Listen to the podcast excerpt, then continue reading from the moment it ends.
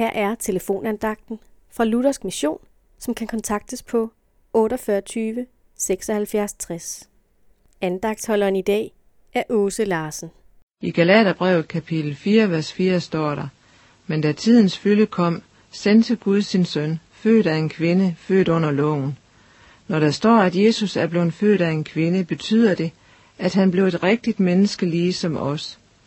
Han blev født under loven, lige som vi er det. Men Jesus levede et syndfrit liv på jorden. Det vil vi aldrig kunne gøre, for vi hører til den faldende slægt, hvor alle siden syndefaldets dag har synden i sit hjerte. Vi bryder Guds bud hver dag og vil aldrig kunne stå mål over for Gud.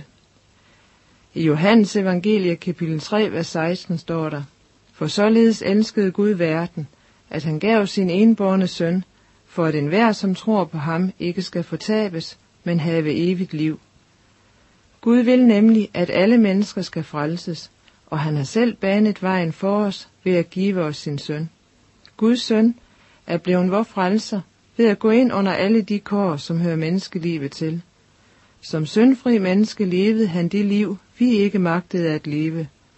Guds straf og vores sønder blev lagt på Jesus. På korset sonede han alle vores sønder med sit blod.